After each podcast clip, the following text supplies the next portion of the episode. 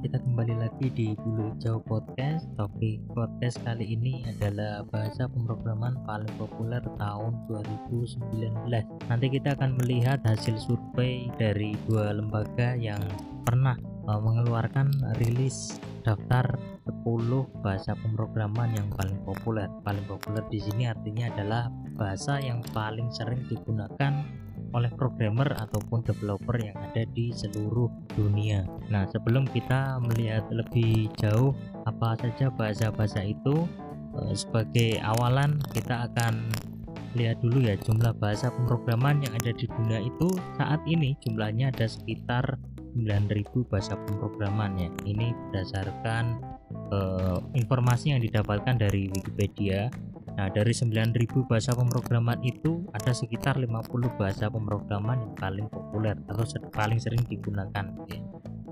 Nah, kalau kita bicara mengenai bahasa pemrograman, eh, sebetulnya ada beberapa jenis bahasa pemrograman itu. Bisa dibedakan menjadi beberapa kategori ya. Dari perangkatnya kemudian nanti paradigmanya atau cara kita memprogram itu juga bisa kita bagi-bagi lagi kemudian juga berdasarkan levelnya. Sekarang kita lihat dulu berdasarkan perangkatnya ya. Seperti yang sudah kita ketahui bahasa pemrograman itu digunakan untuk membuat suatu aplikasi ya. ya aplikasi itu tentu bisa berjalan di komputer atau laptop atau desktop gitu ya. Tapi juga bisa berjalan di aplikasi mobile ya atau di perangkat mobile itu ya atau bisa juga berjalan di web gitu ya. Jadi kalau dibedakan berdasarkan perangkatnya itu terbagi menjadi tiga ya. Bahasa pemrograman untuk desktop untuk mobile kemudian untuk web. Kalau web ini bisa berarti web yang berbasis desktop atau bisa juga web yang berbasis mobile. Sekarang kita lihat uh, dari paradigmanya berdasarkan pembagian paradigma atau pendekatan ya pendekatan bagaimana kita memprogram itu juga terbagi menjadi beberapa kelompok. Misalnya bahasa pemrograman prosedural gitu ya. Prosedural itu artinya pemrograman yang dilakukan secara bertahap ya atau sering kali disebut sebagai sekuensial ya. Jadi program-program itu akan dieksekusi dari yang paling atas ke bawah gitu ya kalau kita menulis sebuah program itu eksekusinya dari atas ke bawah gitu ya atau bertahap. Jadi dia nggak bisa loncat gitu ya harus sekuensial. Itu paradigma yang pertama. Ini merupakan paradigma yang paling simple ya atau paling sederhana itu namanya prosedural. Kemudian paradigma yang kedua adalah fungsional. Nah, paradigma fungsional ini didasari oleh konsep pemetaan dan fungsi-fungsi pada matematika jadi kalau kita punya fungsi yang bentuknya matematis gitu ya eh, baik fungsi yang dasar maupun yang kompleks gitu ya di mana fungsi yang kompleks itu biasanya tersusun dari fungsi-fungsi yang dasar gitu ya. Nah itu bisa nanti kita gunakan pendekatan ini pendekatan fungsional. Ini sering kali digunakan untuk bahasa-bahasa di statistik ya misalnya di uh, Skylab kalau Anda pernah menggunakan itu. Nah, itu namanya contoh pendekatan fungsional. Kemudian yang selanjutnya adalah uh, pendekatan OOP ya atau Object Oriented Programming atau sering disebut juga sebagai pemrograman berorientasi objek. Nah, apa itu OOP? Jadi pemrograman OOP itu menggunakan konsep kelas dan objek jadi nanti pasti kalau anda belajar OOP itu akan dikenalkan dengan istilah kelas dan objek.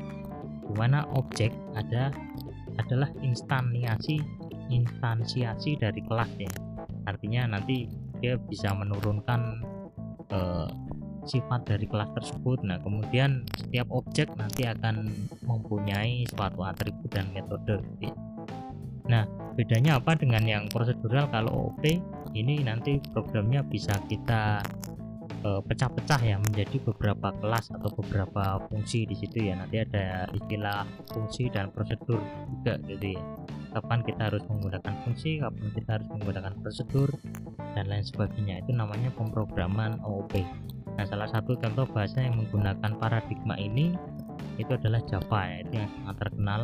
Ya, Java contohnya itu sering digunakan untuk membuat aplikasi mobile ya bisa Android atau bisa juga uh, aplikasi untuk iPhone gitu ya yang sekarang sedang banyak atau sedang marak gitu ya.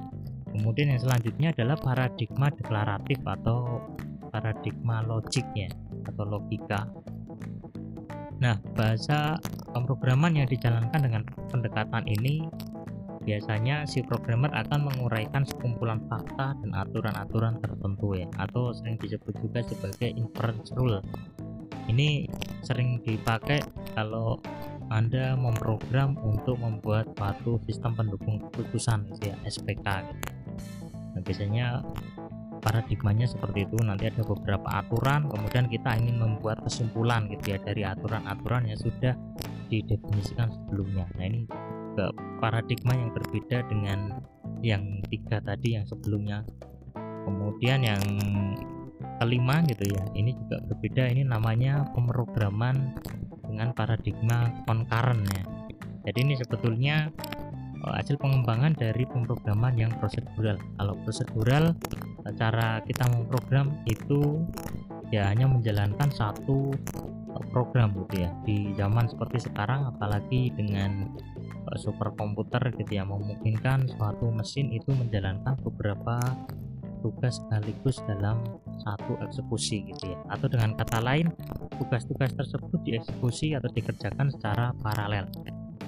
Nah, dalam paradigma ini, programmer biasanya tidak lagi berpikir secara sekuensial gitu ya, tetapi harus sudah bisa eh, mengatur ya komunikasi dan sinkronisasi antar tugas-tugas yang diberikan sehingga dia bisa berjalan dengan lancar tidak membebani memori kemudian tujuannya bisa tercapai. Ya itu tadi eh, pembagian bahasa pemrograman menurut eh, pendekatan atau paradigma cara memprogramnya. Sekarang kita lihat jika dilihat berdasarkan levelnya gitu ya. Jadi yang namanya bahasa pemrograman itu pada awalnya eh, disebut sebagai bahasa level uh, low itu ya atau low level ya. Itu terbagi nanti bisa menjadi tiga ada low level middle level dan high level gitu ya. Apa itu low level? Jadi bahasa yang termasuk bahasa low level ini adalah bahasa assembly ya atau bahasa mesin. Ini bahasa komputer di generasi yang pertama. Uh, sintaksnya atau kode-kode programnya itu masih sangat sulit dipahami oleh manusia gitu ya kalau orang mau belajar pemrograman ini dia harus uh, membaca manual ya atau sulit untuk diingat.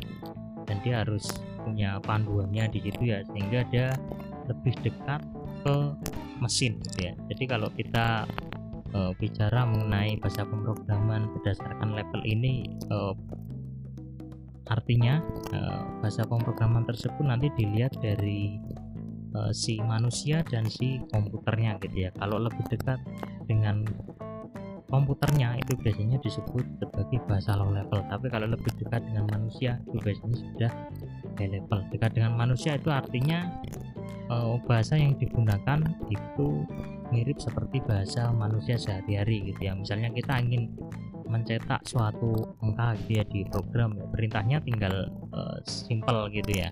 Misalnya print tulisan hello gitu ya, ya. Tinggal nanti print spasi hello misalnya. Contohnya itu seperti itu. Itu termasuk bahasa level high ya. Nah kemudian ada juga yang namanya middle level ya. Bahasa middle level ini sebetulnya tengah-tengah ya antara low level dan high level. Dia masih eh, bisa dikenali oleh manusia tapi juga eh, dia mirip sintaknya dengan bahasa yang low level gitu ya. Jadi ini kalau dilihat contohnya adalah bahasa C gitu ya. Termasuk bahasa middle level. Kalau low level tadi adalah bahasa assembly contohnya. Kemudian di tingkat yang paling tinggi itu high level gitu ya. Ini bahasa yang paling dekat dengan manusia. Secara sintaks gitu ya. Secara kode bahkan kita kalau sudah ingat mau memprogram itu nggak harus lihat manualnya gitu ya. Meskipun di situ ada banyak sintaks gitu ya mungkin hanya untuk beberapa uh, sintaks yang perlu kita lihat kadang gitu. Tapi kalau sudah mahir biasanya dia akan uh, mudah untuk mengingat-ingat fungsi mana sih yang sering dipakai mana sih yang sering dipakai gitu ya.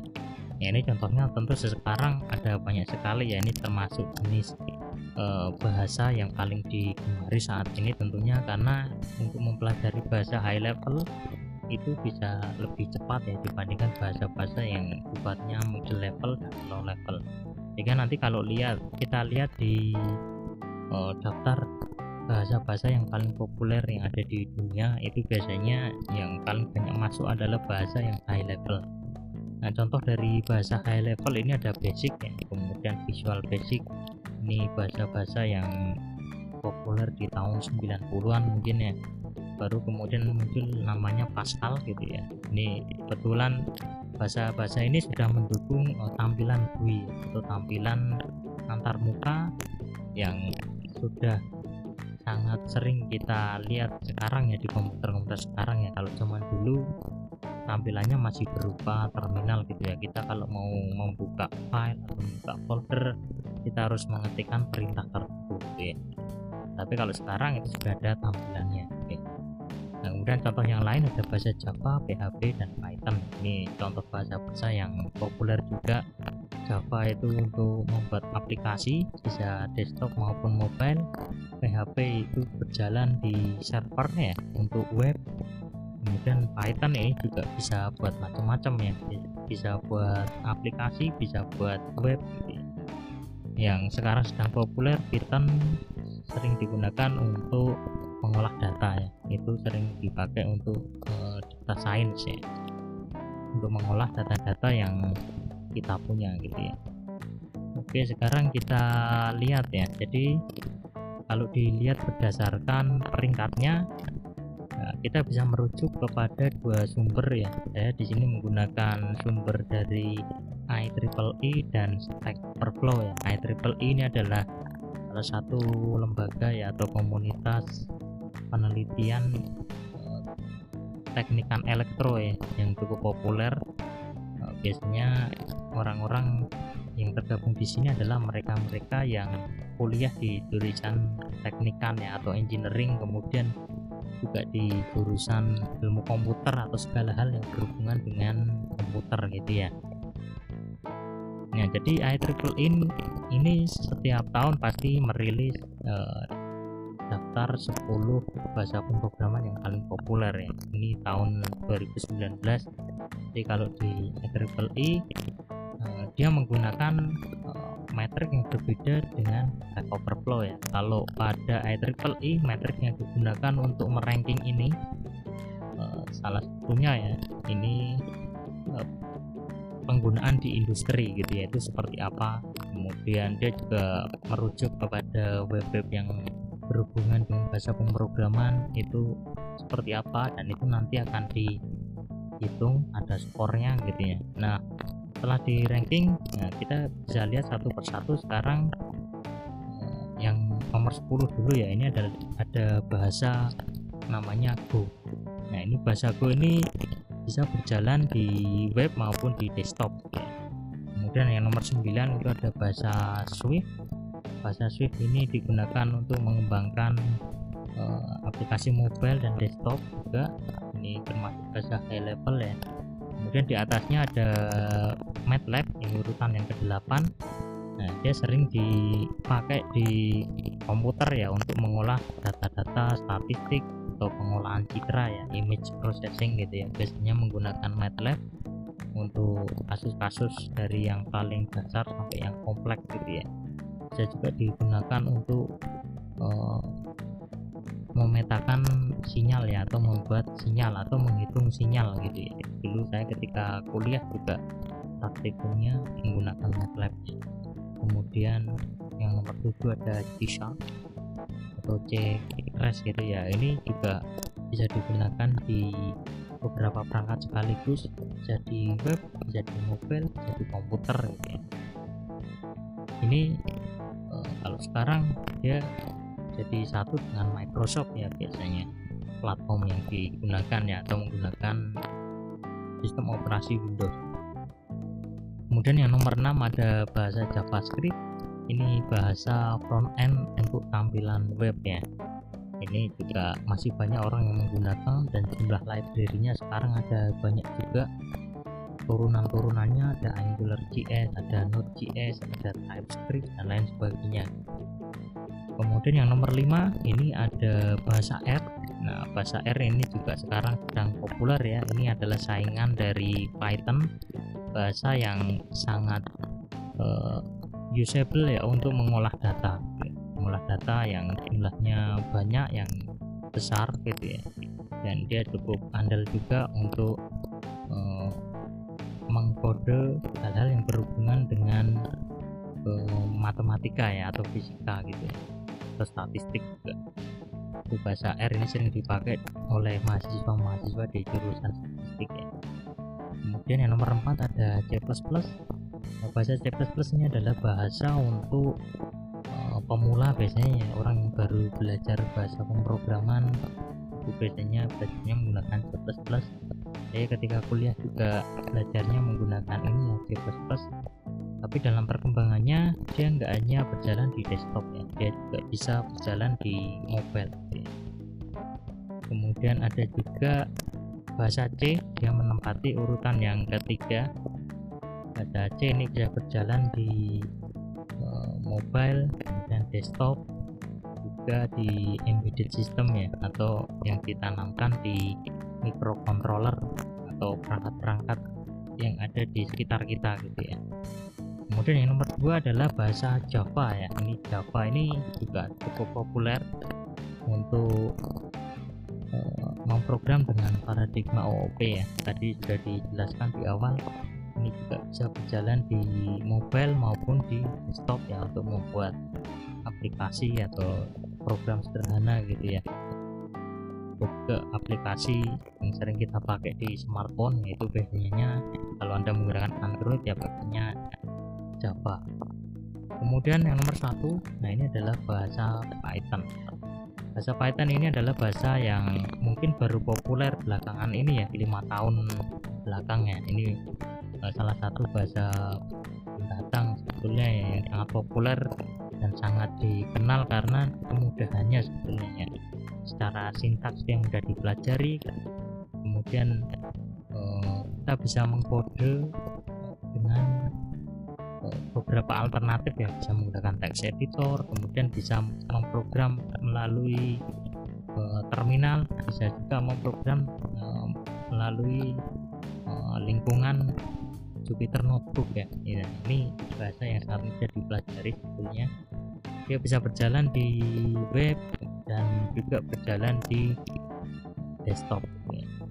juga bisa digunakan untuk embedded system ya itu ditanam di microcontroller oke itu tadi eh, hasil ranking ya dari IEEE Spectrum.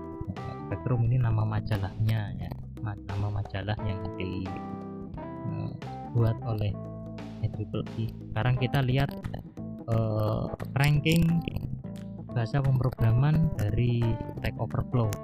Stack Overflow setiap tahun dia juga merilis uh, hasil uh, survei ya. Kalau di IEEE tadi metriknya ada beberapa, tapi kalau di Stack Overflow ini metriknya hanya melalui survei gitu ya.